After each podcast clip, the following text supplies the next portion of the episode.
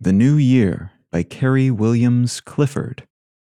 The new year comes. Fling wide, fling wide the door of opportunity, the spirit free to scale the utmost heights of hopes to be, to rest on peaks never reached by man before.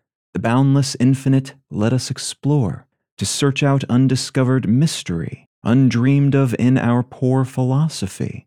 The bounty of the gods upon us pour Nay, in the new year we shall be as gods, no longer apish puppets or dull clods of clay, but poised and powered to command, upon the Etna of new worlds will stand. This scant earth raiment to the winds will cast, full richly robed, as Superman at last. The New Year by Carrie Williams Clifford.